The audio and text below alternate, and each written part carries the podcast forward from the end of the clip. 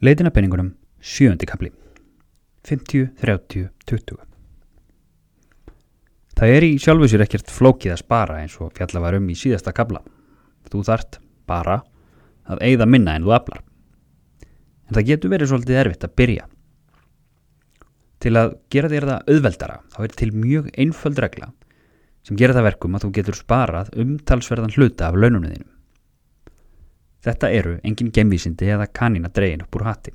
Fæst af þessum fjármálapælingum eru það. Þetta er 50, 30, 20 reglan. Ef þú ert fljót eða fljótur að rekna í höfðinu þá sérðu að þessar tölur leggjast saman í 100. Þetta eru prósentur og tákna útborguðu launin þín. Reglan gengur út á að þú átt að ráðstafa laununum þínum í ákveðnum hlutvöllum. Segjum að þú sért með 300.000 í útborguð mánadarlaun. Þá ætti helmingur launana eða 50% sem gerir 150.000 krónur að fara í nöðsynjar og först útgjöld.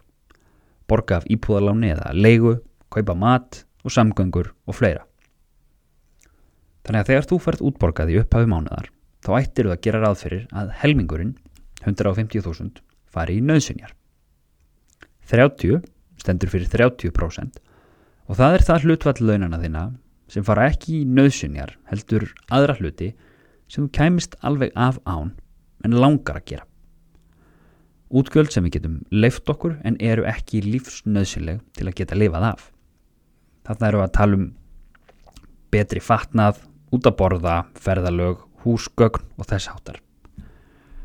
Af útborguðum launum sem eru í dæminu hér á ofan 300.000 krónur þá ættu 90.000 að fara í þessi útgjöld.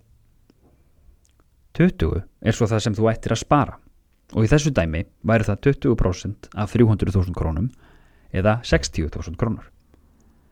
Þegar þú ert búin að gera ráð fyrir að setja 150.000 í nöðsynjar og 90.000 í næsluti þá þartu ekki að leggja til hliðar nema að litlar 60.000 krónur í spartnað til þess að vera innan marka 50, 30, 20 reglunar.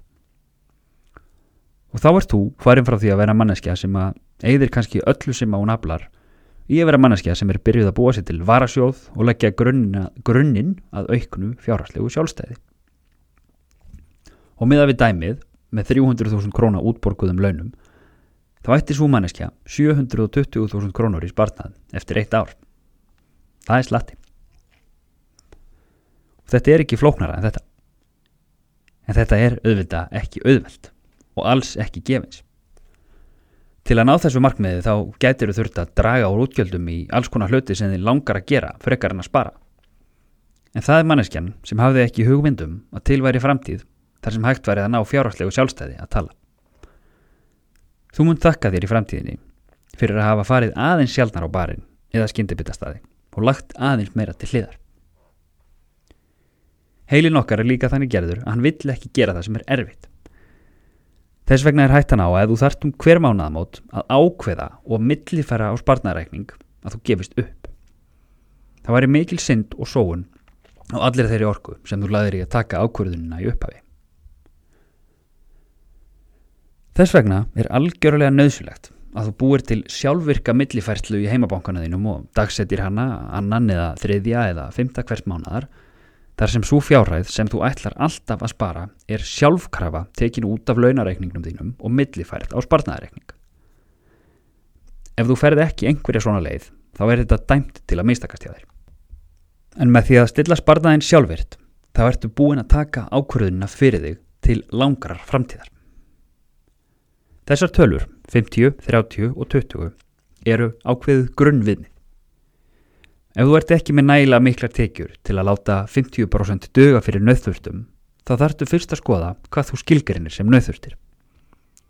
Ef allur fjárhægur eftir það er í hjártum hjá þér og þú kemst ekki af með minna en allar þínar tekjur í að halda þér á floti og finnur enga leið til að minka útgjöld eða auka tekjur, þá skaltu samt reyna að leggja bara örlítið til hliðar í upphafi hvers mánadar. Það þurfi ekki að vera meira en 100 krónur, 1000 krónur.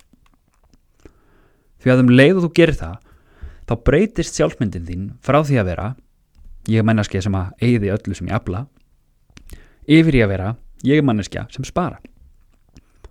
Og þá breytist sjálfmyndin Það skiptir í sjálfu sér ekki máli í þessu tilviki hvað fjárhæðin er há, heldur bara hvernig þú horfir á sjálfa þig.